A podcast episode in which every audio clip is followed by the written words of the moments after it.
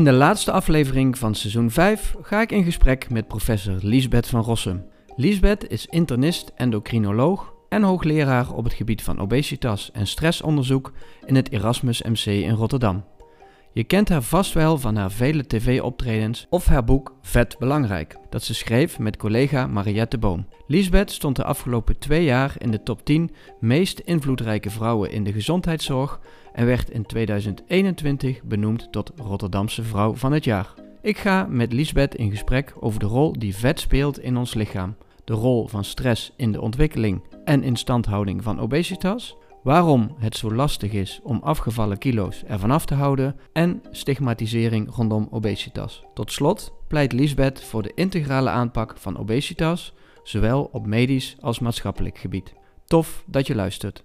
Ja, Liesbeth, wat leuk dat ik je dan eindelijk te gast heb in uh, de podcast. Je staat al, uh, nou ja, jaren. Hè? Ik ben nu twee jaar bezig op mijn lijstje en uh, nu is het dan zover. Welkom. Ja, nou voor mij is het juist een hele eer om in deze podcast uh, te gast te mogen zijn, Roel. Ik vind het echt fantastisch dat je dit doet. Het mooie onderwerp. Um, dus ja, heel belangrijk om ook wat meer over de wetenschap te vertellen aan de mensen thuis. Dus uh, bedankt. Ja, ik uh, zie er naar uit om met jou de diepte in te gaan over alle mooie onderzoeken die je doet. En de kennis die je hebt over de oorzaken en gevolgen van obesitas. Het thema van vandaag, denk ik. Maar voordat we daaraan beginnen, wil jij je heel even kort voorstellen voor de mensen die jou nog niet kennen? Ja, mijn naam is uh, Lisbeth van Rossum. Um, ik ben internist endocrinoloog. Dat betekent eigenlijk medisch specialist. Uh, die gaat over alle orgaansystemen in het lichaam. En met name endocrinologie is het vakgebied wat zich bezighoudt met hormoonziekten. Dus ik behandel veel mensen met bijnierziekte, hypofyseproblemen, schildklierproblemen, dat soort dingen. En ja, ik heb daar speciale interesse in obesitas. Heb daar ook het Centrum Gezond Gewicht opgericht in het Erasmus MC. In samenwerking met andere ziekenhuizen, ook in Rotterdam. En inmiddels een heel netwerk daarin. Waarbij we dus kijken naar onderliggende aandoeningen van obesitas en nieuwe behandelvormen. En um, ja, niet alleen als dokter ben ik bezig in dat veld, maar ook als wetenschapper. Ik ben hoogleraar op het gebied van obesitas en, van stresshormonen. En ik vind het altijd ook heel belangrijk om juist maatschappelijk actief erin te maken. Want dit, in, in, mijn spreekkamer kan ik lang niet iedereen helpen of het hele probleem oplossen. En de inzichten die we kennen als, als dokter en als wetenschapper vind ik fijn om, om te delen, ook met bijvoorbeeld beleidsmakers. Dus ik ben ook voorzitter van het uh, Partnerschap Overgewicht Nederland. Dat is een koepelorganisatie van uh, 18 medische en paramedische beroepsverenigingen, maar ook wetenschappers, andere zorgorganisaties, zorgverzekeraars en patiëntorganisaties. En met z'n allen eigenlijk maken we obesitasbeleid in Nederland, geven adviezen, brengen we richtlijn uit. En eigenlijk sinds twee jaar nu uh, doe ik dat ook op Europees niveau. Namens Europa ben ik in mijn vakgebied van endocrinologie de Europese lead zeg maar, op het gebied van obesitas. En dat is ook wel weer heel leuk om te zien wat gebeurt in andere landen. Wat kan beter? Wat doen wij beter? Dus dat, um, ja, het is allemaal één pot nat voor mij en een, groot verlengde van elkaar. Maar ik heb er heel veel plezier in. Ja, ja, ja dat is uh, te zien en te horen als ik jou uh, ja, in de media onder andere hoor spreken over uh, dit onderwerp. Ja, en dat maakt jou dus ook de, de, nou ja, de ultieme gast voor mij om ja, samen de diepte in te duiken over dit onderwerp. Um, maar je bent super druk, maar wat doe jij om te ontspannen naast je werk? Hoe kom jij tot rust? Oh, ontspannen. Ja, nou ja. Dat oh, ontspannen. Ja, daar vraag je me wat. Eigenlijk, ik denk dat ik ontspan door inspannen, eh, moet ik eerlijk zeggen. Ik, ik, hm. ik ben niet iemand die makkelijk bijvoorbeeld met, met, met yoga aan de slag gaat. Ik zou het wel willen of mediteren of dat soort dingen. Maar ja, dan gaan onmiddellijk de boodschappenlijstjes in mijn hoofd uh, op, opkomen. Ik ben meer iemand die, ik hou ontzettend van sporten. Dus ik sport veel, eh, twee, drie keer in de week. Ik doe atletiek, verspringen, sprinten. En, uh, en, en ook nog bootcamp. Ja, dus gewoon lekker even knallen, vind ik heerlijk. En, en dan, ja, dan ben je lichamelijk, span je in. Ik voel me altijd lekker daarna en dan ben je meer ontspannen. Ja, en voor de rest gewoon sociaal. Mijn gezin, weekendje weg met vriendinnen, lekker lachen. Um, dat, dat zijn voor mij echt de ontspanningsmomenten. Ja, ja, geweldig. Nou ja, en helemaal eens dat door inspanning, ja, ontspanning vaak ontstaat. En uh, nou, ook heel leuk om te horen dat je dus sprint en verspringt. Maar dat doe je uh, bij een club? Ja, bij Rotterdam Atletiek. Dat is heel grappig. Dat, dat, um, ik heb het ook een tijd nadat ik kinderen had gekregen niet gedaan. Ik deed vroeger heel fanatiek. En um, eigenlijk nu opnieuw weer. En, en, en ja, voor 35-plussers, zeg maar, heb je een hele competitie. Dus de masterscompetitie. Heb je Nederlands kampioenschappen en dat soort dingen. En we hebben een ontzettend leuk, enthousiast groepje. En normaal gesproken op onze leeftijd ga je natuurlijk, hè, ik ben nu 47. Ja, dan, dan, de meeste mensen gaan lange afstands lopen. En ik ben zo geen duursporter. Ik heb grote bewondering voor mensen die marathons lopen en dat soort dingen echt vind ik fantastisch om te kijken. Maar ik ben zelf echt, echt meer kort explosief en niet van die lange afstanden. Uh, en het was echt heerlijk om te ontdekken dat andere mensen dat eigenlijk ook misten. En ook weer wilden, verspringen en sprinten. En we hebben echt wel een groep van meer dan twintig mannen en vrouwen. We hebben een hele actieve competitieploeg in Rotterdam. En ook landelijk zijn een heleboel clubs die dat doen. Dus ja, vroeger heette dat veteranen bij, bij de 55-plussers. En nu de masters. Dus dat, klinkt ook nog. Ja, ja, ja, precies. Nou ja, en ik moet er meteen aan denken. Wat grappig die uh, balans tussen jouw werk, wat volgens mij meer een marathon is. En dan naast je werk echt het explosieve sprintwerk. Ja, grappig hoe dat, uh, hoe dat, hoe dat uh, met elkaar uh, in aanvulling is. Um, ja, uh, je gaf het zojuist aan, uh, je werkt als internist uh, endocrinoloog. je houdt je bezig met hormoonziekten en de behandeling van obesitas. Nou, en als we dan meteen even met de feiten beginnen. ja, 1 op de 2 Nederlanders is te zwaar en 1 op de 7 à 8 mensen heeft zelfs obesitas, dus ernstig overgewicht. En ja, dat heeft grote gezondheidsgevolgen of kan gezondheidsgevolgen hebben. Te veel buikvet is een van de belangrijkste oorzaken van die gezondheidsproblemen. En is dus een boosdoener. Maar volgens mij is dat te simpel. Jij schreef het boek uh, Vet Belangrijk en daar leg je de werking uit van vet. Kun jij ons een beetje uitleggen welke rol vet eigenlijk speelt in ons lichaam? Um, ja, eigenlijk is het zo dat vet gewoon een orgaan is. Net, net, als een hart en een lever ook organen zijn, is vet ook heel actief. Uh, er worden honderden hormonen ingemaakt, um, maar ook bijvoorbeeld stoffen die heel belangrijk zijn voor het immuunsysteem. Um, en um, het hangt er ook vanaf van, soms is vet goed, uh, vet, vet kan slecht zijn als je te veel hebt.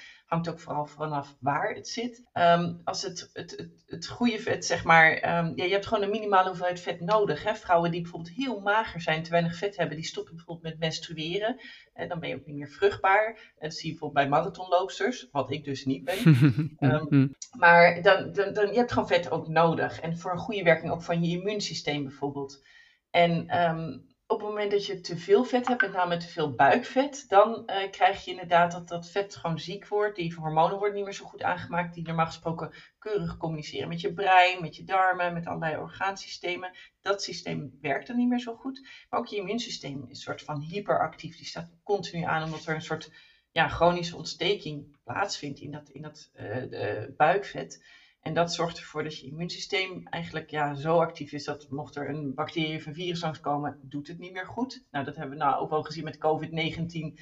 En wie werden er ziek? Het waren vooral de mensen met overgewicht en met name te veel buikvet. Maar inderdaad, ook die ontstekingsstofjes die in te veel buikvet worden gemaakt, die leiden heel erg tot, tot heel veel ziekte uh, als je zoveel hebt. En dat, dat, dat zijn dan niet alleen hart- en vaatziekten en diabetes, uh, type 2 diabetes, wat veel mensen altijd wel weten maar ook 13 vormen van kanker. Um, ook gaan die ontstekingsstofjes vaak naar het brein, naar de plek uh, in de amygdala bijvoorbeeld, de amandelkern, daar waar bijvoorbeeld je emotieregulatie zit. Dus kunt depressie of angst geven. Um, kan het een weerslag hebben ook op, op gewrichten, kan je gewrichtsklachten van krijgen. Nou, eigenlijk, eigenlijk is er bijna geen ziekte te bedenken die ofwel wordt veroorzaakt door obesitas, ofwel wordt verergerd als er obesitas is. Hè, voor de, ook de kwaliteit van leven. Dus ja, te veel buikvet heeft ontzettend veel effect op het hele leven. En als bijvoorbeeld mensen wat te veel heupvet hebben, dat is veel, vaak veel minder schadelijk, veel minder actief, uh, negatief actief op wat dat betreft. Ja, ja, ja, dus als ik het goed begrijp, is er dus een um, te veel aan buikvet. Dat zorgt dus eigenlijk voor een chronische ontstekingsreactie uh, in het lichaam. En die ontstekingsreactie zorgt weer voor allerlei andere nou ja, problemen.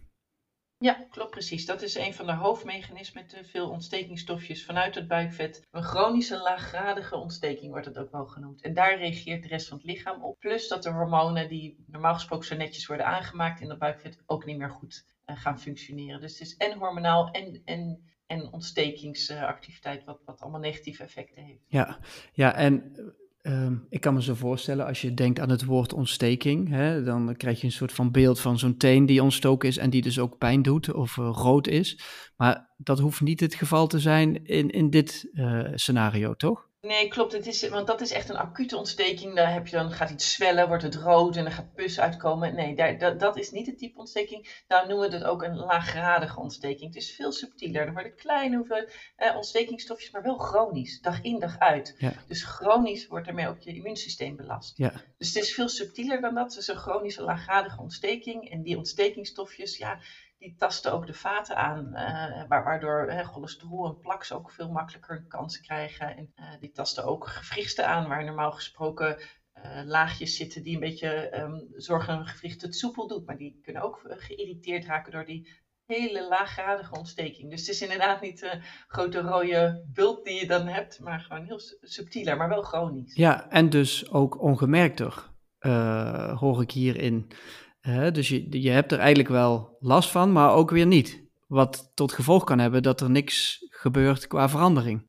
Klopt, ja, mensen hebben vaak relateren niet alles aan het overgewicht. Uh, als je bijvoorbeeld depressieve klachten hebt, heeft niet iedereen door dat de verstoring van de hormonen uit het buikvet en de ontstekingsstofjes, dat die een rol erbij kunnen spelen. Terwijl we wel degelijk weten, als je een leefstijlinterventie doet en je valt af, dat die depressieve klachten heel vaak ook uh, verbeteren. Dus het wordt niet allemaal aan elkaar gelinkt. Kijk, op het moment dat je borstkanker uh, krijgt, dan is dat een aparte ziekte, waarvan een heel groot gedeelte ook obesitas gerelateerd is. En ja, als je het nog niet weet dat het aan het groeien is, of dat langzamerhand de diabetes aan het ontstaan is, je voelt dat niet. Ja, dat is een hele gemene uh, uh, sluipmoordenaar ook wat dat betreft. Ja, ja. Nee, en, en wat je net ook zei, dat is volgens mij ook zo gemeen, is dus dat je gaf aan van, ja, dat er eigenlijk weinig problemen zijn die misschien niet veroorzaakt worden door dat, dat overmatige buikvet of die voortkomen uit dat buikvet. Het is wel een centrale spil dus eigenlijk. Ja, ik wil niet zeggen dat alle ziekten obesitas gerelateerd zijn, maar het is wel zo dat als je bijvoorbeeld Um, ja, heel veel, ruim 200 zijn er inderdaad echt obesitas gerelateerd, echt directe relatie mee, hè, bijvoorbeeld type 2 diabetes of, of Um, nou ja, sommige andere voor, voorbeelden van wat ik net noemde, zoals de depressie. Maar het is ook weer zo dat, dat er ook bijvoorbeeld, stel je hebt bijvoorbeeld uh, reumatoïde artritis, dat is een auto-immuunziekte, is voor een deel erfelijk. Um, maar stel je hebt reuma dan, en je hebt ook nog obesitas, dan is de kans dat je succesvol die reuma kan behandelen, is 50% lager als je niet ook de obesitas mee aanpakt. En ook dat hangt wel weer, reuma is ook Hè, daar is ook een ontstekingsziekte. En heb je ontsteking daarbovenop nog vanuit je buikvet, dan werken die hele dure medicijnen die soms via het ziekenhuis gegeven moeten worden, die werken dan gewoon minder. Mm. Zo hadden we ook laatst een patiënt die ernstige reumatoïde artritis had. Die moest elke maand naar het ziekenhuis komen voor een duur medicijn daar. Totdat eigenlijk de obesitas mee werd behandeld. Uh, en, en vervolgens uh, kon diegene met een heel simpel tabletje, hoefde helemaal niet meer in het ziekenhuis behandeld te worden, kon gewoon terug naar de huisarts. Ja. En um, en, en dan is niet zozeer dat, oh, die reuma is helemaal door obesitas gekomen. Het is een, zijn twee naast elkaar uh, bestaande aandoeningen. Maar het een kan wel ook verergerd worden door het andere. Ja, ja precies, precies. Nou, en daar gaan we volgens mij dadelijk ook nog in, over verder. Nog heel even terug naar dat vet. Want ik las in jouw boek ook over het bestaan, wist ik dus destijds niet, van geel vet en bruin vet. En dat die beide een andere rol spelen of nou ja, positief dan wel negatief zijn voor het lichaam. Kun je daar nog iets over vertellen? Ja, uh, wit vet is eigenlijk het vet waar we het altijd over hebben met elkaar. Dat is wat, wat hè, buikvet, heupvet, wat, wat, wat, we dan kennen als te veel aan vet. Onze kwabben, zeg maar, die we te veel hebben.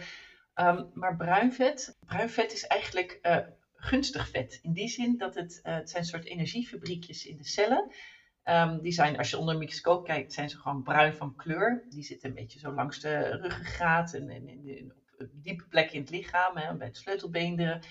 En die zorgen ervoor dat uh, calorieën omgezet uh, worden in warmte. Dus ze, ze, genereren temperatuur. Dus eigenlijk ze, ze zorgen ook voor, ze dragen bij aan onze verbranding. we weten allemaal dat je verbranding kan opschroeven door te gaan sporten bijvoorbeeld.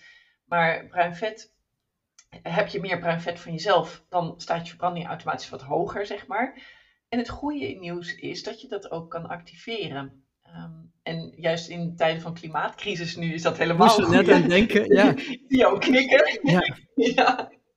Want, want ja, een van de manieren om het te activeren is door de, de thermostaat wat lager te zetten. Dus uh, jezelf blootstellen aan een koudere temperatuur. En er zijn prachtige Japanse studies die inderdaad ook laten zien als je dan al een aantal dagen of twee weken voelt, uh, de, de, kamertemperatuur naar 17 graden schroeft in plaats van 20 graden, dat je bruin vet actiever wordt, dat je dus meer calorieën omzet in warmte. En dat deze mensen, die vielen dus af in hun witte vet, hè, ons gewone vet waar je vanaf wil, ehm, met behoud van spiermassa. En dat is precies de manier van afvallen die je eigenlijk uh, zou willen. Het is een hele gezonde manier van afvallen. Maar het is niet zo dat je met bruin vet kilo's en kilo's gaat afvallen hoor. Dat, dat, um, Maar het, alle, alle beetjes helpen wat dat betreft. Ja, ja, precies. Dus uh, de, er zijn wat voordelen van uh, de energiecrisis en de hoge stookkosten. Uh, ja. Als je daar wat aan wil doen, kan het dus ook effect hebben op je, op je bruine vet. Ja, want uiteindelijk komen we volgens mij dan tot een van de grootste uitdagingen in de, in de maatschappij. Dat vet, hè, één op de twee mensen is te zwaar. Volgens mij, als je mensen vraagt wat zou je aan je uiterlijk willen veranderen, dat 9 op de 10 zegt ja, ik zou wel wat slanker willen zijn. Dus veel mensen willen van het vet af, maar dat is nog best wel ingewikkeld. Hoe komt dat nou, dat we daar gewoon zo moeilijk vanaf komen van dat vet? Nou, het heeft met heel veel dingen te maken. Ten eerste moet je kijken naar de oorzaken. En die zijn echt wel breder dan alleen maar eh, wat we vaak denken. Het is natuurlijk, de hoofdoorzaken zijn bij heel veel mensen te veel ongezond eten en te weinig bewegen. dat, dat, dat is bij iedereen wel bekend. Maar goed, er zijn natuurlijk nog veel meer andere zaken die ook mee kunnen spelen. En dat is slaaptekort, um, hormonale eh, stoornissen, ehm, eh, stress, um, armoede, de sociale cultuur waar iemand uitkomt. Soms zijn mensen helemaal niet bezig met gezonde leefstijl omdat ze in armoede leven of bezig zijn met huisvesting of of een cultuur hebben waar daar helemaal niet op wordt gelet. Ehm, maar ook medicatiegebruik is, kan ook een boosdoener zijn. Soms leven mensen best wel heel gezond, maar gebruiken ze medicijnen die het gewicht kunnen verhogen. Of de effecten van uh, leefstijl eh, in de weg kunnen staan. Uh, dus dat is één punt, hè, dat je eerst moet kijken, oké, soms werkt gezonde leefstijl onvoldoende omdat er oorzaken zijn die nog niet opgelost zijn. Dat is één. Maar stel nou, het komt helemaal door gezonde leefstijl of door wat voor reden ook en je hebt eenmaal obesitas dan is een ander belangrijk fenomeen wat optreedt. Dat is namelijk dat je lichaam als het ware hormonaal geherprogrammeerd raakt. Je lichaam weet dat je als je ooit obesitas hebt gehad, dat je dat hebt gehad, dat hoge gewicht. En als je dan gaat afvallen, of het nou door leefstijlinterventie is of door andere methoden, mhm. dan uh, wil je lichaam heeft automatisch een neiging om terug omhoog te gaan. Dat hangt onder andere samen met uh, ja, de, de, hormonale regulatiesystemen, hè, je darmhormonen en je vethormonen, die communiceren met je brein. En um, ja, die, die trekken je eigenlijk terug omhoog. En daar, daar kan je wel tegenin gaan, maar dat is wel heel erg ingewikkeld we weten dat je natuurlijk om af te vallen, als het door leefstijl komt, hè, je moet natuurlijk dan in, uh, gezonder eten, minder in de calorieën gaan, uh, ook beweging. Maar wil je dat verloren, stel je bent echt flink afgevallen, je wilt het verloren gewicht eraf houden, ja, dan, dan moet je heel intensief inzetten op, de, op, op beweging bijvoorbeeld. Hè? En dan is de gewone beweegnorm waar we allemaal weten, oh, 150 minuten per week moeten we gemiddeld matig intensief bewegen. Dus, eh, en twee keer in de week spier- en botversterkende oefeningen. Dat is mhm. eigenlijk wat voor iedereen goed is. Maar heb je obesitas gehad, echt ernstig overgewicht, je bent fors afgevallen, dan is dat niet genoeg. Dan moet je eigenlijk 200 tot 300 minuten per week moet je matig intensief bewegen. Nou, en elke dag ruim een half uur gaan hardlopen is niet per se de hobby van iedereen die um, uh, obesitas heeft gehad, eh, of, of überhaupt van iedereen. En, en dat, dat soort dingen, dat je eigenlijk wind tegen hebt en dat lichaam terug omhoog wil, ja, dat, dat, ik denk als zorgverleners houden er soms te weinig rekening mee, dat, ook qua verwachtingmanagement. Want je kan wel op een gezonder gewicht komen door een leefstijlinterventie. Dat, we doen dat in het Erasmus MC bijvoorbeeld ook. Ehm, maar voor de lange termijn is het wel goed om aan verwachtingsmanagement te doen. Sowieso, zelfs al zou je niet afvallen of je komt daarna weer een beetje aan. Het is sowieso goed om wel die gezonde leefstijl te blijven doen. Ook al lukt het niet allemaal met het gewicht. Mm ja, nog steeds beter is om gezond te eten en veel te bewegen, ook al zie je teleurstellende effecten op je gewicht. Ja, ja, ja dus dat, het feit dat um, ja, veel mensen dus eigenlijk weer terugvallen in hun oude patronen, maar dus ook weer gewicht aankomen na een dieetpoging of een afvalpoging, heeft dus vooral ook te maken dat er eigenlijk een soort softwareprobleem is bij mensen die al eens veel te zwaar zijn geweest. En het systeem gaat eigenlijk terug naar de oude software. Ja, klopt. Wat, wat een, een van de hoofdmechanismen die hieraan bijdraagt, is eigenlijk een, een heel belangrijk vethormoon. Werd in de jaren 90 ontdekt, dat is het leptine. Um, dat leptine, dat, dat, dat is een prachtig hormoon en dat zorgt ervoor dat we eigenlijk normaal gesproken in balans zijn. Die, dat heeft invloed op onze eetlust en op onze verbranding. En normaal gesproken, dat wordt in vetcellen aangemaakt. En dat is een soort graadmeter van zoveel vet heb je dan in je lijf. Dan, dan geeft dat aan, uh, er zit een ontvangertje in je brein en een receptor in de hypothalamus. De hypothalamus is een soort verkeerstoren waar eigenlijk allerlei signalen over licht, donker, slaap, over uh, verbranding, over hoeveel honger heb je, wordt er allemaal verzameld. En daar um, wordt, vindt afstemming plaats. Nou, in die hypothalamus, daar is dus een receptor, een ontvanger, die ontvangt het vethormoon leptine. En als er veel leptine is, dat betekent dat er dus heel veel vet is, dan zal daar ook uh, ontvangen worden, hé, hey, we moeten de eetlust een beetje terugschroeven en de verbranding een beetje omhoog. En dan zie je dat mensen heel mooi in evenwicht blijven. En als wij met een, een groot kerstdiner uh, dagenlang achter elkaar, of een, of een suikerfeest of whatever, dagenlang achter elkaar te veel uh, en ongezond eten, dan heb je een beetje regulatiesystemen die ons een beetje beschermen. Maar op het moment dat je obesitas hebt en je hebt die chronische ontstekingsreactie in dat buik, hè, dus mm -hmm. niet die rode bult, maar die laaggradige ja. ontsteking, ja. dan zie je ook dat dat gebied van die hypothalamus, die raakt ook een beetje laaggradig geïrriteerd en ontstoken. En die ontvangertjes van uh, leptine, die doen het helemaal niet meer goed. Dus je hebt dan bijvoorbeeld wel heel hoog leptine, maar die receptor is resistent. Je hebt leptine-resistentie in je brein. Dat betekent dat die hele graadmeter van vetmassa wordt niet gevoeld in het brein. En in plaats van de honger terugschroeven, wordt die honger helemaal niet teruggeschroefd. Die wordt juist groter. En de verbranding die wordt niet omhoog gezet, maar juist eerder omlaag. Dus heb je eenmaal obesitas, dan kom je in een soort progressief geheel met van een negatieve spiraal. Dan van nature word je steeds dikker. Dat is wat obesitas, eenmaal obesitas, dan word je van nature, is dat eigenlijk een progressieve aandoening. Tenzij je er keihard tegenin gaat. En dat slaan mensen vaak wel over, dat dit soort mechanismen, uh, ja, dat, dat moet, kan ten dele ook weer herstellen. We weten het eigenlijk niet zo goed. Bij de een herstelt het wel, bij de ander ook soms niet. En soms heb je extra hulpmiddelen nodig om dat te laten herstellen. Maar dit zijn hele belangrijke mechanismen die we toch wel te vaak overslaan en te simpel denken: oh, minder eten, meer bewegen, probleem opgelost. En hé, hey, als je dan niet afvalt en je komt weer aan met een yo-yo-effect, dan is dat dus je eigen, letterlijk je eigen schuld dikke bult. Nou, dat is een vooroordeel wat enorm heerst, waar Mhm. ook heel veel mensen last van hebben. Want mensen met obesitas weten dat best wel heel goed, dat zij ja, heel veel meer moeite moeten doen dan een ander om op gewicht te blijven. Dus bijvoorbeeld twee mensen die eh, 80 kilo wogen, waarvan de een heel het leven 80 was en de ander is 80, maar die was vroeger 120 kilo, dan is die ex-120er, die moet gewoon veel meer moeite doen om op die 80 te blijven. En die andere mm, persoon van 80 kilo denkt, ja, wat is er nou moeilijk aan? Want kan toch best wel af en toe lekker taart eten en zo, geen probleem. En die andere, ja, die ex-120er die nu 80 is, nou, die moet wel echt veel meer opletten met eten, veel meer bewegen.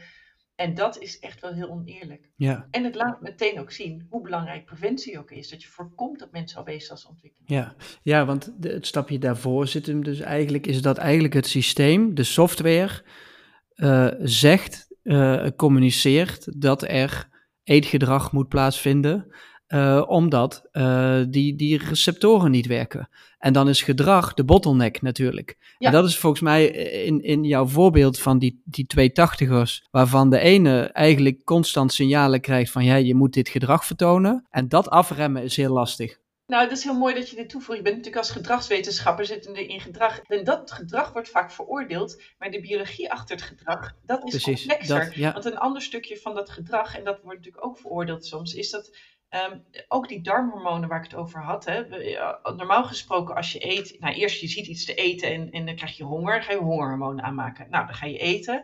En na een minuut of twintig ongeveer ga je verzadigingshormonen aanmaken. Vanuit je darmen ook onder andere.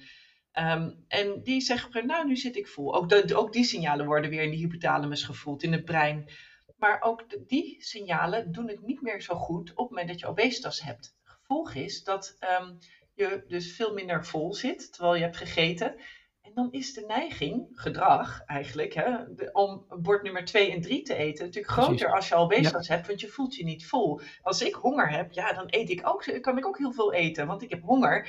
Ehm, maar gelukkig op een gegeven moment ontstaat er verzadigingsgevoel. Maar als dat systeem beschadigd raakt en dat ge- verzadigingsgevoel ontstaat niet meer zo makkelijk, ja, dan is het ontzettend moeilijk om daar de hele tegenin te gaan. Dus eh, eenmaal obesitas hebbende is dat gewoon ingewikkeld. En dat is natuurlijk wel een stukje gedrag, maar je kan je heel sterk afvragen hoe vrijwillig is dat gedrag. Dus een stukje biologie.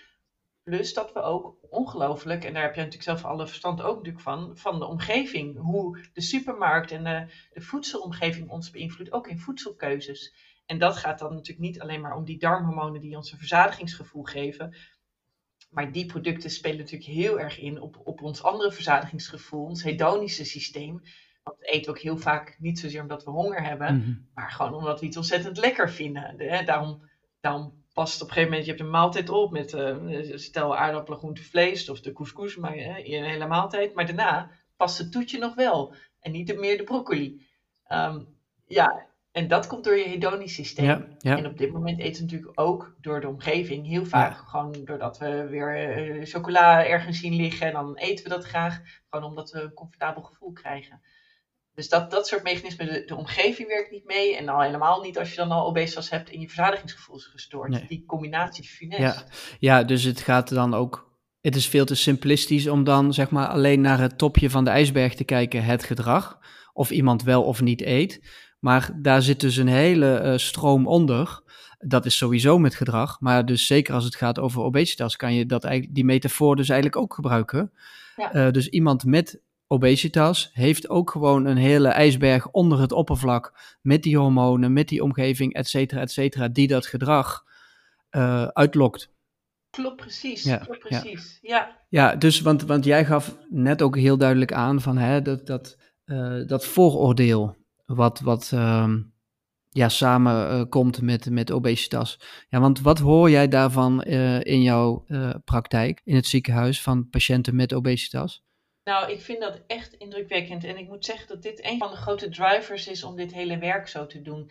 Ehm, en eh, ik denk dat het voor mij ook makkelijker is daarom om dat werk te doen, omdat, je, omdat ik niet last heb van obesitas. En je kan die stem beter misschien vertegenwoordigen. Ik, ik zie heel veel tranen bij die mensen die nieuw komen, eh, in, voor, voor het eerst komen en hun verhaal vertellen. Ehm, vooral de, hoe mensen niet geloofd worden. Hè? Want er zijn ook mensen die ook andere oorzaken dan de leefstijl hebben. En, en die worden continu veroordeeld van nou, je, je, je eet te veel. Mhm. Maar ook de mensen die, die ehm, te veel eten, ja, dan nog ja, moet je daar voorzichtig zijn met je oordeel om de redenen waar, die we net bespraken. Maar ook, ook gewoon wat er dan gebeurt, is dat, ehm, dat oordeel van, nou, je, je bent dus de hele dag chips aan het eten. Dat zo worden mensen behandeld eigenlijk. Mhm. Je ziet dan dat ze ook bijvoorbeeld vertellen, nou, dan, een vrouw die was, eh, ehm, die, die was echt ontzettend bezig met haar gewicht. Die had een hele andere reden waarom ze overgewicht had. En haar, haar dochter had dan een feestje s'avonds. En zij deed boodschappen voor dat feestje van haar dochter in de supermarkt. En ze haalde zoutjes daarvoor. Had wat, wat zakken chips in de kar liggen voor dat feestje. En normaal had ze dat nooit. En dat weet ik omdat ze ook heel erg goed was afgevallen in ons leestelprogramma. Ze deed hartstikke goed. En ehm, ja, dan, dan was er iemand in de winkel die dan ineens de zakken chips eruit ging halen van mevrouw, dit is niet goed voor u. En, en, en daar echt letterlijk boos op haar was. En haar echt, en, of, of anderen die dan vertellen van ja, ik durf nooit in het openbaar een ijsje te eten. Ga met familie op pad, iedereen neemt een ijsje. Ik durf dat niet, want ik krijg naar mijn hoofd geslingerd, letterlijk. En dat was dan ook wel eens gebeurd. Van je moet niet de hele dag ijsjes eten van eh, de, de- dikke trol. eh, zo, zo, eh, eh, zo kom je er wel aan dat gewicht. Ja. Die oordelen, mensen echt, het gaat zo hard eh, in tegen mensen. En ehm, ja, die complexiteit ervan wordt heel vaak niet gezien. En dat oordeel dat staat zo klaar. En, en dat weten we ook. Ook bijvoorbeeld dat, eh, ook in het ziekenhuis zorgverleners, dat die mensen met obesitas ehm, gewoon letterlijk anders behandelen. Eh, andere zorg verlenen. Ehm, een patiënt vertelde van, was in een ander ziekenhuis was ze geweest, dat de dokter alleen maar eh, naar haar man praatte. Pas nadat ze was afgevallen, Mhm. richtte hij ook het woord aan haar. Alsof ze Ja. Te dom was, zo voelde ze zich, om, om, om niet waard was om aangesproken te worden als Mhm, mens. mhm. Ehm, en ook de kans op een baan bijvoorbeeld is lager als mensen obesitas hebben. Er zijn weinig mensen in leidinggevende functies die echt obesitas hebben. Eh, ze zijn er wel, maar dat, dat is echt aanzienlijk minder dan mensen met, met geen obesitas. En gewoon het, het, het solliciteren, we weten dat uit onderzoek dat dat gewoon minder kans op een baan geeft. En ja, we- de kwaliteit van leven is aanzienlijk lager als je obesitas Ja. hebt. Dus al met al is de leidingsdruk gemiddeld genomen echt best wel heel groot bij obesitas. Ja, ja, en dat komt onder andere, of misschien wel voornamelijk, doordat mensen niet verder kijken dan het gewicht. En dat gewicht relateren aan nou ja, gebrek aan wilskracht, gebrek aan discipline, lelijkheid, noem het allemaal maar op. En dat Ja. be- beïnvloedt weer hoe eh, eh, we omgaan met mensen die te zwaar zijn. Ja, het wordt vaak als een beetje geassocieerd met, met uh, uh, dommigheid en zwak van karakter. En precies dat, inderdaad. die eigenschappen worden toegedicht aan mensen. En um, zonder rekening houden met waarom heeft iemand eigenlijk obesitas? Er zijn zoveel oorzaken. Nou ja, we hebben het uh, nu al een tijdje over de complexiteit hè, van uh, obesitas. Dat er veel, uh, nou ja, hoe zeg je dat, factoren een rol spelen.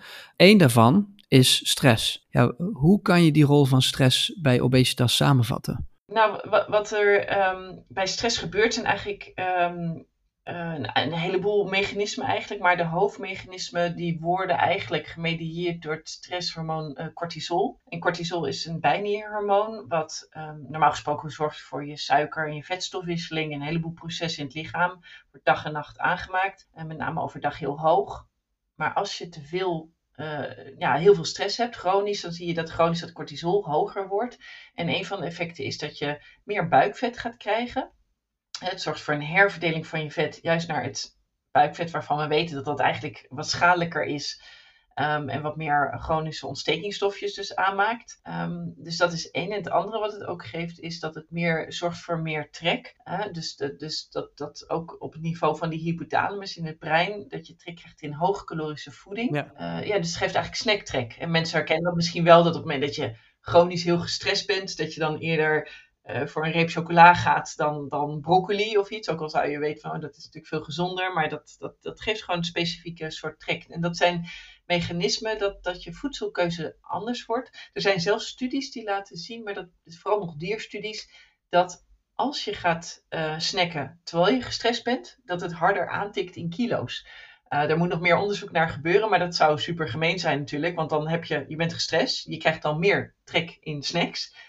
En als je dan snackt, dan kom je nog meer aan ook dan als je snackt terwijl je niet gestrest bent. Ja. Nou, dat is wel een interessant gebied van onderzoek. Um, ja, en, en, en ja, wat, wat we natuurlijk weten is dat uh, stress um, kan van mentale stress komen, kan ook van fysieke stress komen, chronische pijn, slaaptekort, ja. maar ook stress uit een potje. We, we gebruiken heel veel in Nederland uh, uh, corticosteroïden. Dat is een zusje van je stresshormoon cortisol.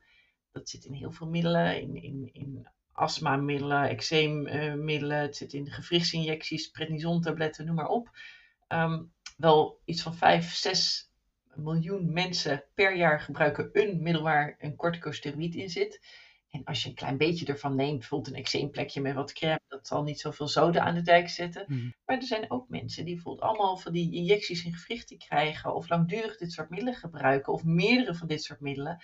En daarvan hebben, komen er steeds meer in onderzoek achter dat er duidelijke verbanden zijn met uh, buikvet en het, toen, de toename ervan. En ook met de, eh, dingen als uh, hoge bloedsuiker, hoge bloeddruk, met name bij vrouwen ook. En ook met depressie en angstklachten. Dus het, we denken vaak dat het lokaal dan wordt aangebracht, maar ja, er zijn toch wel aanwijzingen dat het ook in de bloedbaan komt. Dus ik wil niet zeggen dat niemand zomaar corticosteroïden moet gaan gebruiken, want als dat wordt voorgeschreven moet je dat zeker gewoon blijven gebruiken. Uh, het is alleen wel zo voor zorgverleners en voor artsen dat we alerter moeten zijn. Is die indicatie inderdaad en is die indicatie langdurig?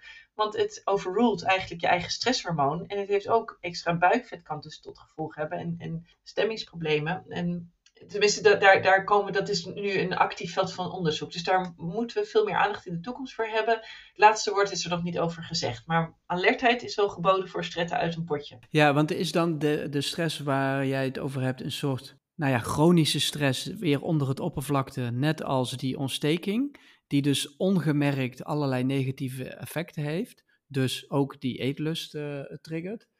Uh, want wat ik van stress weet, hè, is dat als je eigenlijk acute stress hebt, dan gaat je lichaam eigenlijk dicht en ga je juist niet eten, want dan wordt je eetlust afgeremd.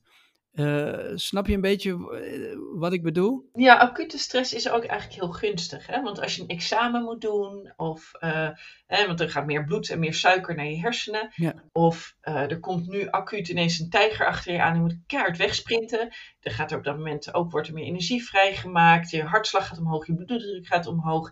En je krijgt meer suikers in je spieren, dus je kan harder rennen. Dus voor acute stress is dat cortisol natuurlijk heel gunstig. En evolutionair ook, ook, ook nou ja, dat is een overlevingsmechanisme. Ook als je acute griep krijgt met heel 40 graden koorts en je lichaam maakt extra stresshormonen aan, is ook nodig om die ontsteking allemaal aan te kunnen, zodat het niet te veel schade geeft in je lichaam. Dus acute stress is gewoon ook uh, heel gunstig, is een beschermingsmechanisme. Maar het gaat eigenlijk pas mis op het moment dat de uitknop het niet meer goed doet. En die ja. uh, chronisch dat cortisol heel hoog blijft. En er zijn met name aanwijzingen ook als dat bijvoorbeeld ook in de avond. Hè, dus normaal gesproken heb je een mooi dag-nachtritme. Uh, hoog in de ochtend cortisol, laag in de avond. Voor slaapkwaliteit ook heel belangrijk dat het omlaag gaat. Maar ja, gebruik je het als medicijn, dan heb je dus dag en nacht hoog niveau. Maar heb je ook heel veel stress, um, de, dan kan het tot een veel hoger niveau komen. Ja, en dan beginnen zich op een gegeven moment de schadelijke tekenen zich te, uh, te verspreiden over het lichaam. Wat overigens wel niet voor iedereen allemaal zo. Niet iedereen komt aan van stress. Sommige uh, uh, valt er best wel mee en sommige komen heel veel aan. En dat hangt voor een deel ook weer samen met hoe gevoelig ben je voor je stresshormoon. En dat wordt weer voor een deel bepaald eigenlijk door je genen. En de ene is heel gevoelig voor het stressniveau op celniveau de ander veel minder gevoelig. Die kan bijvoorbeeld veel meer stress aan, maar er worden heel weinig negatieve effecten, negatieve effecten op het lichaam doorgegeven. Sommigen gedijen ook een beetje bij stress. Maar de meerderheid komt er wel van aan in gewicht en, ja. uh, heeft het negatieve effect. Ja, het geeft maar weer aan hoe complex het is. Klopt. Ja, ja, ja. Maar Lisbeth, hoe komt het dan toch dat mensen toch op onderbuikgevoel zeggen: ja, je moet gewoon meer bewegen, minder eten? Hoe, hoe krijgen we dat uit de wereld? Nou ja, ik, ik, hoop dat we met deze podcast daar ja. bijdragen natuurlijk. Maar het is ook een heel logisch concept. Het is makkelijk te snappen. Mensen snappen het, het, het idee van, ja, calorieën gaan erin en je gaan calorieën uit door de verbranding. Gaan er te veel calorieën in en de verbranding, meer dan de verbranding, ja, dan kom je aan in vet. Hmm. Totaal niet rekening houden met bijvoorbeeld bepaalde medicijnen, denk aan insuline, die zorgen dat je je vet eigenlijk niet meer afbreekt. Of, of, uh, of als je gestrest bent, dat het uitmaakt hoe je lichaam omgaat met die calorieën. Of dat je specifiek trek krijgt in bepaalde calorieën. De, de, het, het in-uit verhaal is zo lekker simpel. Dat kan iedereen snappen. Maar of het waar is, daar kan je heel veel kanttekeningen bij zetten. De grote lijn, daar zit natuurlijk een waarheid in. Maar die beïnvloedende factoren op. Uh, het is niet simpel wat gaat erin. Het is ook hoe gaat het lichaam daarmee om? Welke calorieën worden opgenomen? Wat is de kwaliteit van die calorieën? En wat is de toestand van het lichaam? En die verbranding, ja, dat is ook heel, uit heel veel componenten bestaand. Alleen al het feit ook bijvoorbeeld dat je of je overgewicht ontwikkelt, is natuurlijk ook al voor een deel genetisch bepaald. Want zo'n 40 tot, tot 60, 70 procent van je gewicht is al eigenlijk um, uh, in je DNA vastgelegd. Voor lengte snappen we dat allemaal, vinden we heel normaal. Zijn je ouders lang, dan word je ook lang.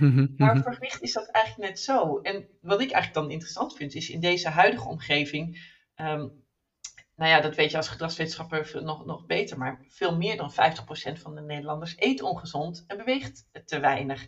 Het feit dat maar 50% mm -hmm. overgewicht heeft, dat betekent dus ook dat er mensen beschermd zijn door hun genen. Er zijn zat mensen die ongezond leven en um, dan toch geen overgewicht hebben. En ik denk dat dat best ook kan bijdragen aan dat vooroordeel. Dat ze denken, nou ja, ja god, ik eet ook een zak chips per, per dag, maar uh, ja, ik ben gewoon nog op normaal ja, gewicht. Ja. Die denken dus dat de ander ook dan dus per se acht zakken chips eet. Terwijl die misschien ook wel wat chips eet, bijvoorbeeld, of ik noem maar wat. Maar daarvan veel minder, al veel meer aankomt. Ja. En die, die, dat, dat is niet iets wat mensen. En, en natuurlijk, ja, als we kijken naar de epidemie, is natuurlijk het altijd zo. Ja, onze genen zijn niet zo veranderd. Nee. Het is natuurlijk de interactie tussen onze genen, hoe we aangelegd zijn, en dan die omgeving, de omgevingsfactoren, inclusief uh, uh, ongezonde voeding, minder bewegen, maar ook um, relatief minder slaap, meer stress. Um, we staan bloot aan allerlei uh, bewerkt voedsel wat ons systeem beïnvloedt. Er zijn hormonen in allerlei producten die ook onze vetcellen beïnvloeden. Er zijn zoveel omgevingsfactoren die interactie hebben met onze genen. En vooral die omgeving is natuurlijk veranderd in de afgelopen decennia. Dus daar moeten we ook veel winst behalen om daar te zorgen dat niet nog meer mensen mm -hmm, mm -hmm. ontwikkelen. Mm -hmm. Ja, want kijk, je hebt natuurlijk de, de wetenschappelijke kennis. Je ziet het leed, hè, het verdriet in uh, je wachtkamer en in je praktijk. Um, ja, ik vraag me dan af, hoe blijf jij dan rustig of, of hoe houd je het geduld om toch telkens malen uit te blijven leggen dat obesitas complexer is uh, dan het lijkt op het eerste oog? Ik denk dat het gewoon tijd kost. Ik vind het ook af en toe ontzettend frustrerend. En ook eerlijk gezegd, als ik in het ziekenhuis kijk hoeveel collega's soms ook lachend praten weer over die, die dikke domme diabetes. Dat soort termen worden er soms gebruikt en, en dat er smalend over wordt gedaan. Ik probeer daar alert op te zijn, daar ook ik begrip voor te hebben dat ik snap hoe zij er tegenaan kijken. En tegelijkertijd vanuit de inhoud, zonder daar boos over te worden of mhm. iets. Ik snap dat zij het niet snappen. Hm. En te kijken hoe kan je nou die boodschap overbrengen, is voor een heel deel, je kan er één tegenin gaan, maar dan denk je, oké, ja, maar ja, waarom? Uh, wat beter dan is, is inzicht geven. Laten zien hoe, die, hoe, hoe, die, hoe werken die systemen eigenlijk. Dat was precies de reden om dat boek vet belangrijk te schrijven. De, het hele laatste hoofdstuk gaat helemaal over dat stigma en hoe mensen in, in de maatschappij veroordeeld worden en hoe we daaraan bijdragen aan een toename van het gewicht bij sommige mensen. Maar dat hebben we bewust als laatste hoofdstuk gedaan. Eerst in al die hoofdstukken er naartoe werken. Hoe werkt het lichaam eigenlijk? Hoe werkt onze biologische klok? Wat zijn effecten van stress, van slaap? Hoe zitten die hormoonsystemen in elkaar? Wat doet welke voeding ermee? Um, hoe werkt die verbranding? Door eerst dat allemaal te laten zien. Ehm, en, ja, en, en ik denk ook heel vaak voor dokters die, die dan ehm, tegelijkertijd aan hun patiënt allerlei middelen voorschrijven. Bepaald antidepressieve met middel tegen hoge bloeddruk, nog een maagzuurremmer erbij en dan nog een uh, inhalatie, steroïd, uh, nou, noem maar op. En dan vervolgens zeg ja, oh ja, en u moet ook nog afvallen. En niet, zich niet realiserende dat ze net drie, vier middelen hebben voorgeschreven die allemaal het effect uh, van afvallen tegengaan. Mm. dat zou je moeten omdraaien. Je zou eerst op die leefstijl moeten inzetten en proberen goed op gewicht te kunnen komen. En dan zal je ook heel vaak zien dat heel veel van die middelen niet eens meer nodig zijn. En, maar in de geneeskunde zijn we het gewend om meteen alles met, met uh, toch wel met medicijnen te behandelen. dus als iemand uh, komt bij me, die zit in de armoede, hè, nu energiecrisis bijvoorbeeld, dus zit onder de stress, de bloeddruk zou heel hoog zijn, dan is bij ons natuurlijk veel eerder de neiging om daar een, even een tabletje hoge bloeddrukmiddel aan voor te schrijven, dan de stress aan te pakken, die voort, want die schuldhulpverlening, ik weet hem niet te vinden. Ehm, dus wij medicaliseren ook wel heel veel. Ja, ja en volgens mij stip je daar ehm, eigenlijk een volgend punt aan. Ik las uh, een interview van jou uh, waarin je aangaf dat uh, de aanpak de behandeling van obesitas eigenlijk een revolutionaire nieuwe insteek moet hebben. Wat bedoel je daarmee? Ja, nou eigenlijk, eigenlijk precies. Dit, dit is inderdaad een onderdeel daarvan waar, waar, waar ehm, Ehm, we, we, behandelen het heel vaak niet omdat we onvoldoende kennis hebben. We hebben dan geen tijd in die spreekkamer. En als je het dan al bespreekbaar maakt, dan hebben we geen netwerk om het heen te sturen. Hè? net het voorbeeld van net, iemand die stress door armoede. Ja, waar moet ik dan heen toeleiden naar schuldhulpverlening? Mhm. Nou, daar is nu inderdaad een hele nieuwe aanpak voor. Dat, en dat is echt een transformatie van zorg waar we denk ik in de toekomstige jaren echt wel wat aan kunnen hebben. Dat is de netwerkaanpak overgewicht en obesitas. Dat is een opdracht ook van VWS uh, dus in Rotterdam en een paar proeftuinen, inmiddels in een aantal andere gemeenten ook. En dat wordt nu landelijk uitgerold. Het hele idee daarachter is dat je gewoon veel meer bestaande gremia op elkaar moet aansluiten. Dat er infrastructuur is, dat alles wat wij in het medisch domein doen, dat hè, ziekenhuizen, huisartsen, dat sluit heel vaak niet aan op um, buurtinitiatieven. Dan zijn er fantastische buurtinitiatieven. Denk aan een buurtwandelcoach, denk aan schuldhulpverlening. Uh, een, of, of een, een gecombineerde leefstijlinterventies. Of nou, er is een hele rits wat er allemaal in de buurt van de patiënt beschikbaar is. Maar no way dat we vanuit het ziekenhuis dat weten te vinden. Mhm. En nu hebben we eigenlijk gewoon door een zorgcoördinator daar centraal te stellen. Dus in plaats van een receptje hoge bloeddrukmiddel, zeg ik receptje naar de centrale zorgcoördinator. En die um, die kijkt dan even naar nou, welke leefstijlcomponenten uh, wil iemand aan werken, heeft iemand op te, wat te winnen, wat speelt er allemaal? En naar welke soort hulpverlening, sociaal of leefstijlgebied moet iemand worden toegeleid. En dan echt met letterlijk de telefoon pakken, kan iemand daar terecht? En nou, en dat, dat, is, dat kost veel tijd. Ook het hele netwerk oprichten kost veel tijd. Dat zal in de komende jaren nog steeds ook helemaal uitgebouwd moeten worden, zodat dat in heel Nederland uh, ook echt een heel netwerk vormt. Maar daar waar het nu gebeurt, patiënten vinden het fantastisch en het werkt als een tierenlier. Dat mensen niet meer alleen maar gemedicaliseerd worden, maar gewoon ook echt leefstijl onderdeel wordt gemaakt van de zorg en de toegang wordt geborgd.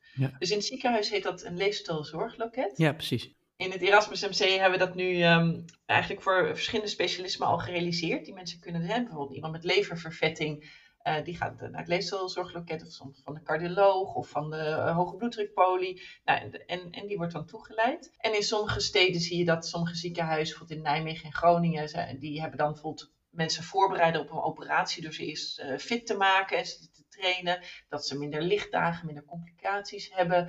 Dus zo zie je in verschillende steden verschillende initiatieven staan, maar het basisprincipe van leefstijl als onderdeel van de zorg, dat wordt nu langzaam steeds meer uitgebouwd. Nou ja, wat je dus eigenlijk zegt is dat ehm, het ziekenhuis doet niet alleen meer aan behandeling, of gaat niet meer alleen aan behandeling doen, maar gaat dus ook nou ja, meer preventief aan de slag om de kring rondom de behandeling te faciliteren, zeg maar. Ja, ja en, en aangezien de zorgkosten gigantisch nu aan het worden zijn, zijn eigenlijk onbeheersbaar groot aan het worden, moet je toch ook kijken hoe kan je het effectiever doen en misschien ook wel goedkoper. En door leefstijl onderdeel te maken van die zorg, dan weten we dat je gewoon heel veel effectiever bij sommige ziektebeelden kan zijn. Um, en het grappige is dat je natuurlijk niet alleen zo'n ziektebeeld zelf behandelt. Hè, bijvoorbeeld die, het voorbeeld van die patiënt met reuma, die dan uh, flink afviel, dat die reuma ineens veel beter behandelbaar werd. Tegelijkertijd doe je ook nog preventie van een heleboel andere leefstijlgerelateerde ziekten of obesitas-gerelateerde ziekten die in de toekomst anders waren gekomen. Want het is niet alleen dan die reuma. Die patiënt twee jaar later ontwikkelt die daarbij de diabetes. En vijf jaar later uh, een van de dertien vormen van kanker. En vervolgens de depressie. En dan ga je één voor één wachten, heel vaak, totdat er ziekte ontstaat. En die gaan we dan behandelen. En als het hartinfarct is, ja, dan gaan we natuurlijk behandelen. En dat wordt ook geaccepteerd. En ik denk dat nu de tijd rijp is dat we veel eerder insteken op de gezonde leefstijl, maar ook op obesitas. Dat is niet één en één hetzelfde. Hè? Mm -hmm. Het kan naast elkaar bestaan, het kan samengaan. Maar voor gezonde leefstijl en voor obesitas beide moet echt aandacht zijn. Ja, ja, precies. Ja, want uh, jij kreeg toen ook het dilemma voorgelegd: obesitas, leefstijlprobleem of ziekte. Ja, ik, ik kan op basis van wat we net hebben besproken al een beetje een, uh, een, een, indruk krijgen hiervan. Maar hoe, hoe is jouw reactie daarop? Ja, ik denk, nou ja, eigenlijk letterlijk is obesitas als ziekte gedefinieerd door de Wereldgezondheidsorganisatie. Ook door de uh, Europese Commissie vorig jaar en ook door de Gezondheidsraad in Nederland al langer. Um, en dat, dat is ook terecht, hè, want we kwamen er ook op dat vet is letterlijk ziek. Ja. Het is een poortziek naar een heleboel andere ziekten, maar het vet zelf is al ziek. Al heb je geen diabetes of hartinfarct, dan, dan heb je al een ziekte. Um, en um, ja, en een van de hoofdoorzaken kan ongezonde leefstijl zijn, maar het kan ook zijn dat je een, een, een eetstoornis hebt, het kan ook zijn dat je hormonale problemen hebt, het kan zijn dat je een genetische vorm hebt of medicatiegebruik. Het kan allemaal, vaak een multifactorieel. Ja. Leefstijl heel belangrijk. Dus ja, ik denk het is, het is sowieso een ziekte waarbij leefstijl wel heel erg uh, uh, belangrijk is. Um, en ja, ik, ik, dit, dit, raakt ook een beetje aan de discussie die je heel vaak ziet. Um, dat als je bijvoorbeeld obesitas wil behandelen, hè, je hebt allerlei behandelvormen, je hebt leefstijlinterventies en dan als dat niet werkt en het obesitas is ernstig, dan kan je bijvoorbeeld uh, obesitas medicijnen inzetten of uh, bariatrische chirurgie inzetten. Het zijn allemaal opties die ook in de richtlijn allemaal staan. Ja. Um, maar dan zegt iedereen, ja maar nee, je moet uh, de voedselomgeving, de weegomgeving aanpakken. En je moet preventie doen. En ja, dat is ook zo. Je moet maar, het is en-en, niet of-of. Ja, Want ja. Ik, ik zie het eigenlijk zo, hoe de situatie in Nederland nu is, is eigenlijk de metafoor van een kraan die wagenwijd open staat. Elke dag komen er nieuwe mensen bij die obesitas en uh, overgewicht aan het ontwikkelen zijn. Um, en dat is dus die ongezonde voedselomgeving en dat we te gestrest zijn, te weinig slapen. Dat, dat, en daar heeft de politiek een hele grote verantwoordelijkheid. Daar moet vooral de politiek en het bedrijfsleven, die moeten die kraan dichtzetten. Maar tegelijkertijd is dat bad al, al vol. De helft van de mensen heeft al overgewicht. En, en die 14% is obesitas. Nou, en, daar, en dat bad, ook al ze, loopt niet vanzelf leeg. Stel nou, de politiek zou helemaal perfecte supermarkten. En hè, dat is natuurlijk waar, je, waar jij je heel lang mee bezig houden. Stel, het lukt helemaal uh, niet 80% ongezonde producten, maar eigenlijk 100% gezonde producten in de supermarkt. Overal uh, eet iedereen genoeg groente, beweegvoldoende. Ja. Dan nog hebben mensen al obesitas. Die zullen niet vanzelf daar op een gezond gewicht allemaal van komen. Die moeten zorg hebben, die moeten leefstijlinterventies en waar nodig aanvullende therapieën. Dat stukje ligt dan weer bij zorgverleners. Uh, waar aandacht voor moet. En ook bij het individu een stukje. Het is niet zo dat een individu helemaal geen eigen verantwoordelijkheid heeft. Dat is er wel, maar die wordt vaak te groot toegedicht. Van ja, je moet maar hè, minder eten, meer bewegen. Ja, moet ook, maar die begeleiding is vaak niet voor niks. Want gewoonte veranderen is natuurlijk ook heel ingewikkeld. Ja. Waar jij natuurlijk zelf van alles van eet. Ja, ja en is dat dus ook, uh, nou ja, dit hele verhaal waarom jij je zo hard ook maakt voor preventie als arts zijnde? Want dat is natuurlijk niet vanzelfsprekend. Ja. Een arts is natuurlijk van oudsher iemand die een probleem oplost. Ja. Door iemand te zien en te behandelen. Preventie is uh, ervoor zorgen dat iemand niet bij de arts komt. Ja, ja, en dat is ook weer een beetje semantiek. Want ik, ik ehm, ja, het is zeker zo. Ik zie natuurlijk het hele uiteinde van het spectrum wanneer het helemaal mis is. En ik zie het leed ervan. Dus dat maakt me inderdaad heel gedreven. Alsjeblieft, laten we aan de primaire preventiekant voor iedereen voorkomen. Proberen te voorkomen dat er nog meer mensen dit gaan ontwikkelen. Ja. Maar eigenlijk, de, die, uh, die term die wordt gebruikt voor het behandelen van obesitas, dat heet ook preventie, maar dat heet dan zorggerelateerde preventie. En, en dat is een beetje een misverstand bij dokters, want die zeggen vaak, ja, maar bijvoorbeeld huisartsen of internisten, van nou, wij doen niet aan preventie, wij doen aan curatie. Hè? We gaan mm ziekte uh, behandelen. Maar ja, de, de term die dan weer beleidsmakers gebruiken daarvoor, dat is, dan, dat is ook zorggerelateerde preventie. Dus ook, ook in de zorg doe je een soort van preventie, dat je maar ja, het is gewoon eigenlijk ook behandelen. Je gaat een, een ziekte, obesitas, ga je behandelen en zorg dat iemand op een gezonder gewicht komt. Tegelijkertijd voorkom je dat er een van die 200 andere obesitas-gerelateerde ziekten ontstaat. Dus ja, je doet beide. Dat, dat, daarin. Maar het, het, maakt inderdaad wel voor mij ook dat ik denk, ja, we moeten echt aan de voorkant heel veel meer doen. Want we weten ook, als we nu niks um, doen, dan uh, niet echt de teugels gaan aantrekken. En echt serieus maatregelen trekt, zoals suikertax, btw-verlaging, groente, fruit, marketing, dat in 2040 dat, dat uh, meer dan 60% van de mensen al overgewicht heeft, richting twee derde zal overgewicht hebben. Ja. Nou, het is niet meer te doen met die zorgkosten, het leed, uh, arbeidsparticipatie, hè, want mensen krijgen, we hebben ook meer moeite met werk vinden en, en werk volhouden is, is gewoon niet reëel. We moeten daar echt nu wat, wat aan doen. en vooral aan de kraankant, als we het bad laten leeglopen. Ja, precies. Ja, en als we het dan over die kraankant hebben, gaat het dan ook betekenen dat er uh, een gezonder voedselaanbod komt op jouw werkplek, de ziekenhuizen? Want hè, ik hoor steeds iets over leefstijlloketten, steeds vaker, steeds meer. Hartstikke mooie ontwikkeling. Maar ik kom gelukkig niet heel vaak in een ziekenhuis, maar als ik er kom, dan verbaas ik me toch nog steeds wel een beetje over dat aanbod. Absoluut. Wat we er hebben en al die automaten die er staan. Hoe, hoe, ja, hoe gaan we dat aanpakken? Nou, dat is een hele goeie, want ik, ik, ik herken dat in het Erasmus MC. En eigenlijk vrijwel alle ziekenhuizen zag je die automaten staan en, en zie je dat nog steeds heel veel.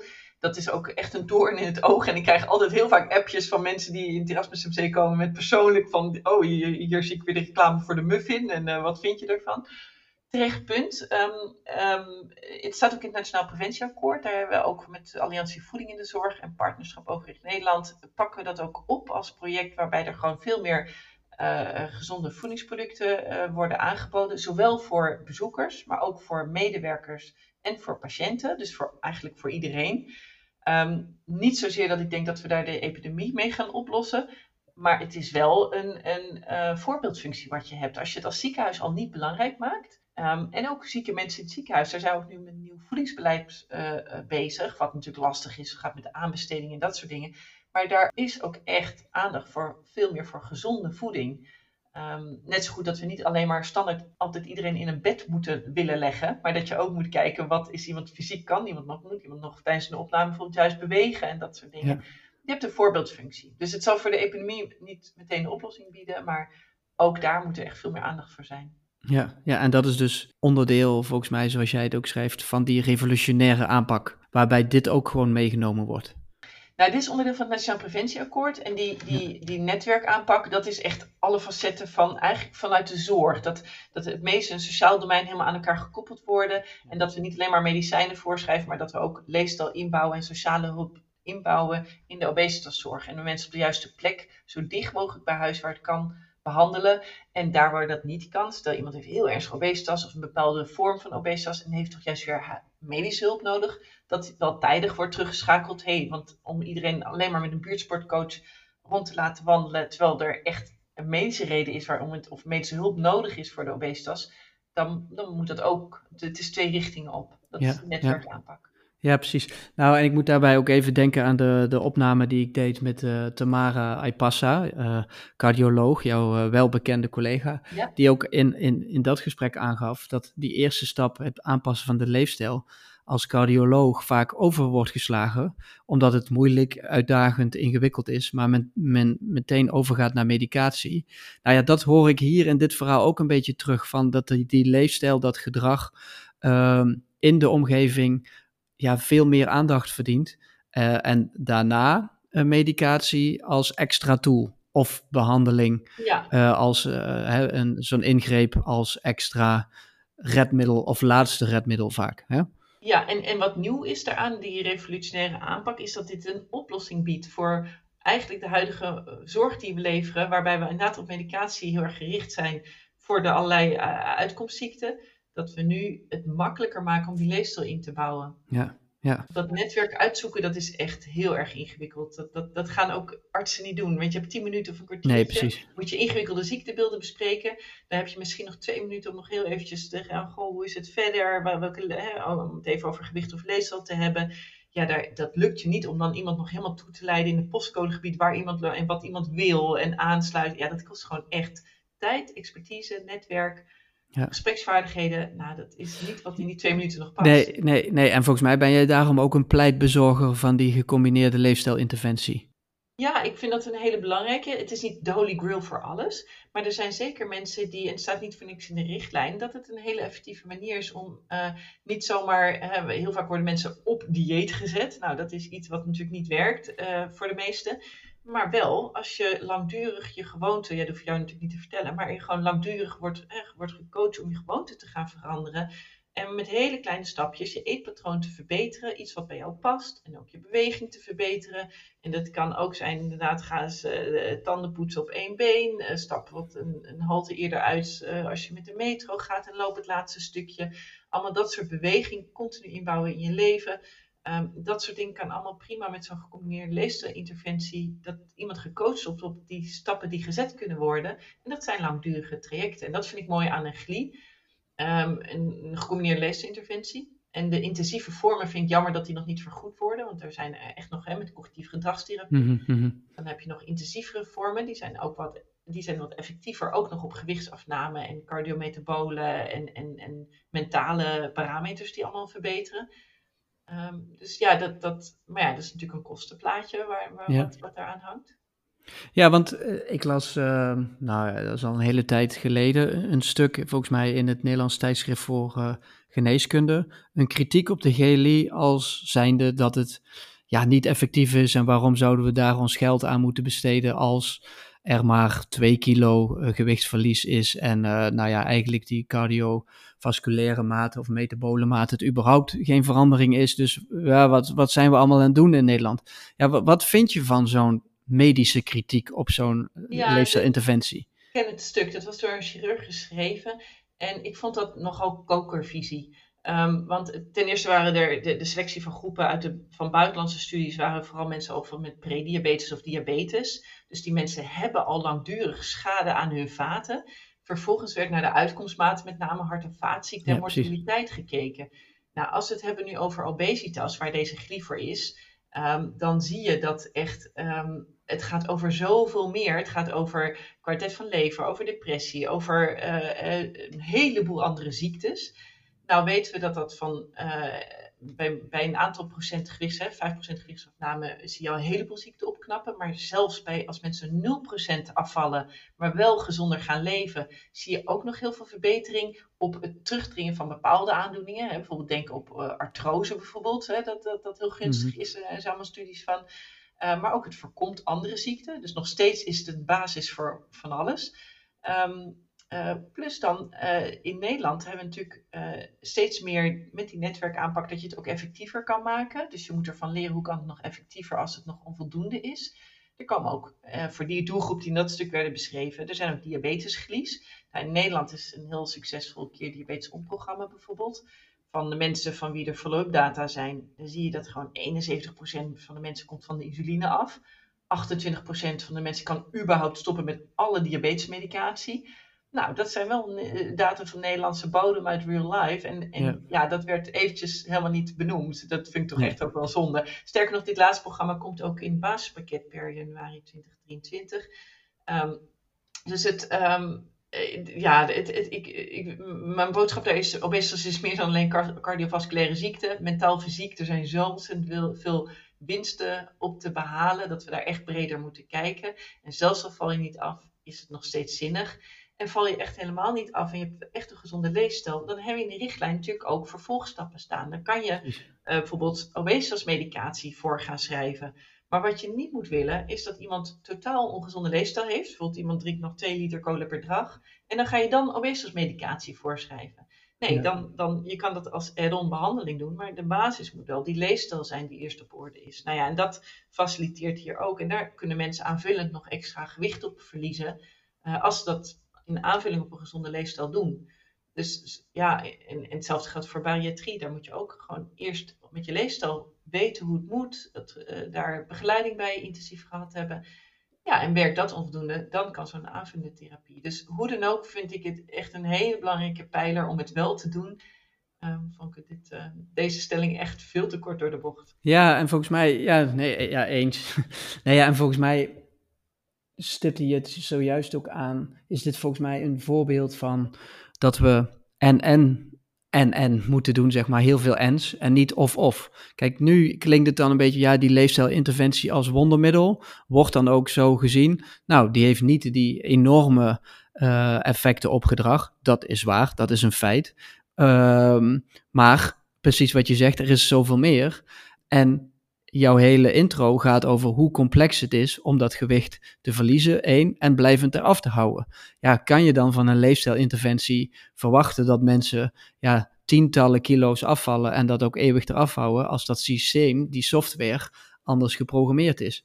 En kun je dat er uh, afhouden als die omgeving niet aangepast wordt? Dus precies wat jij zei net, er wordt in die discussies zo vaak alleen naar of het individu gekeken of alleen de omgeving en niet naar het individu en de omgeving. En dat is bij zo'n gecombineerde leefstijlinterventie volgens mij ook. Dat netwerk waar jij het net over had, ja, dat is belangrijk.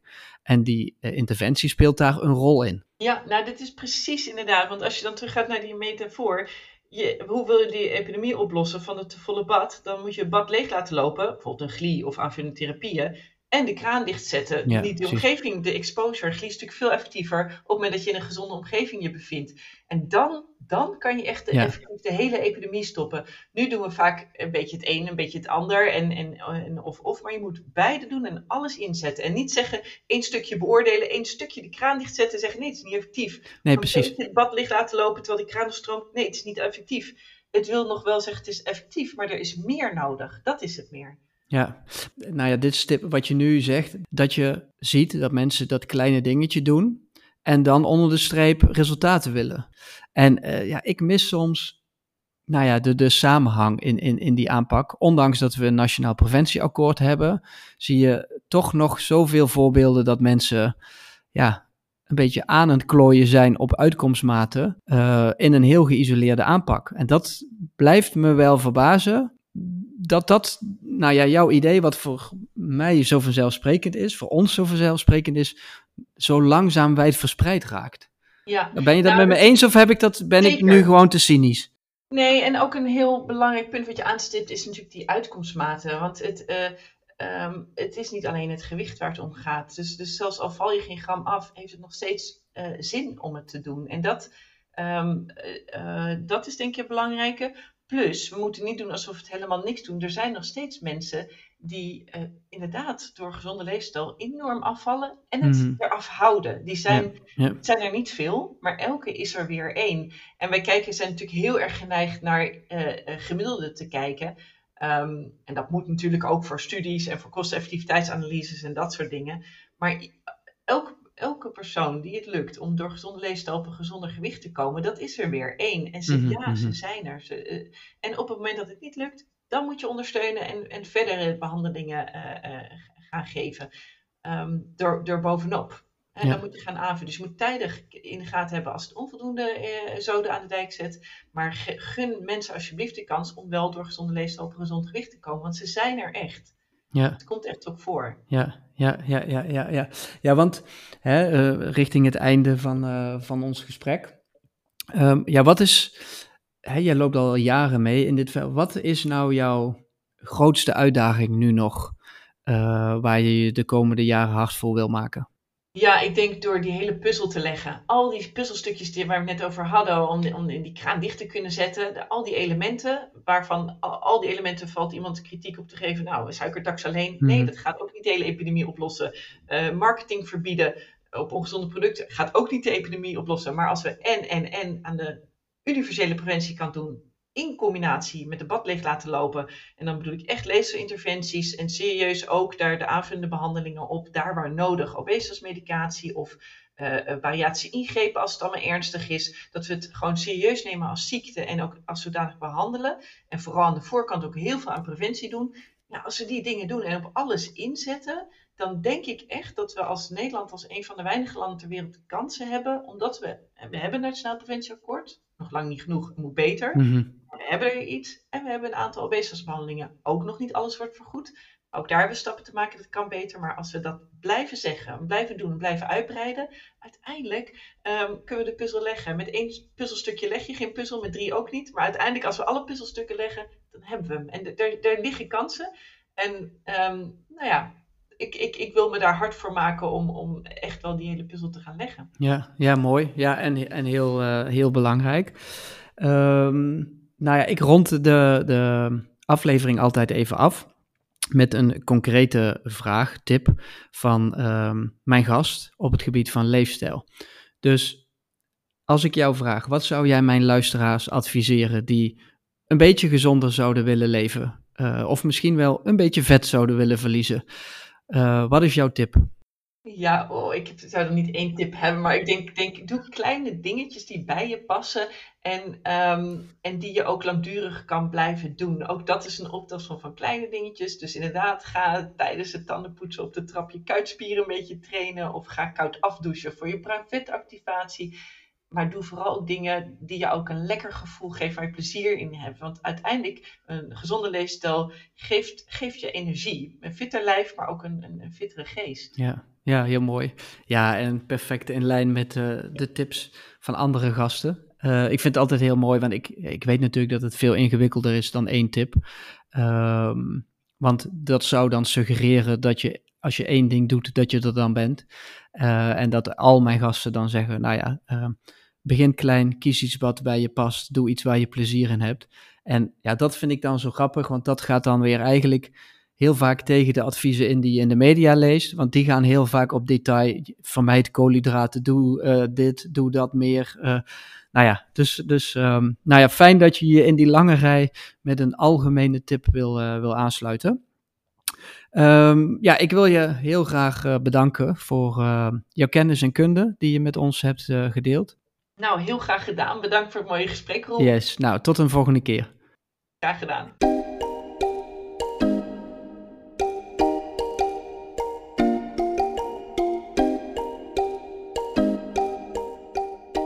Bedankt dat je luisterde naar aflevering 36 van de Leefstijl Lab podcast. Ik ging in gesprek met professor Liesbeth van Rossum.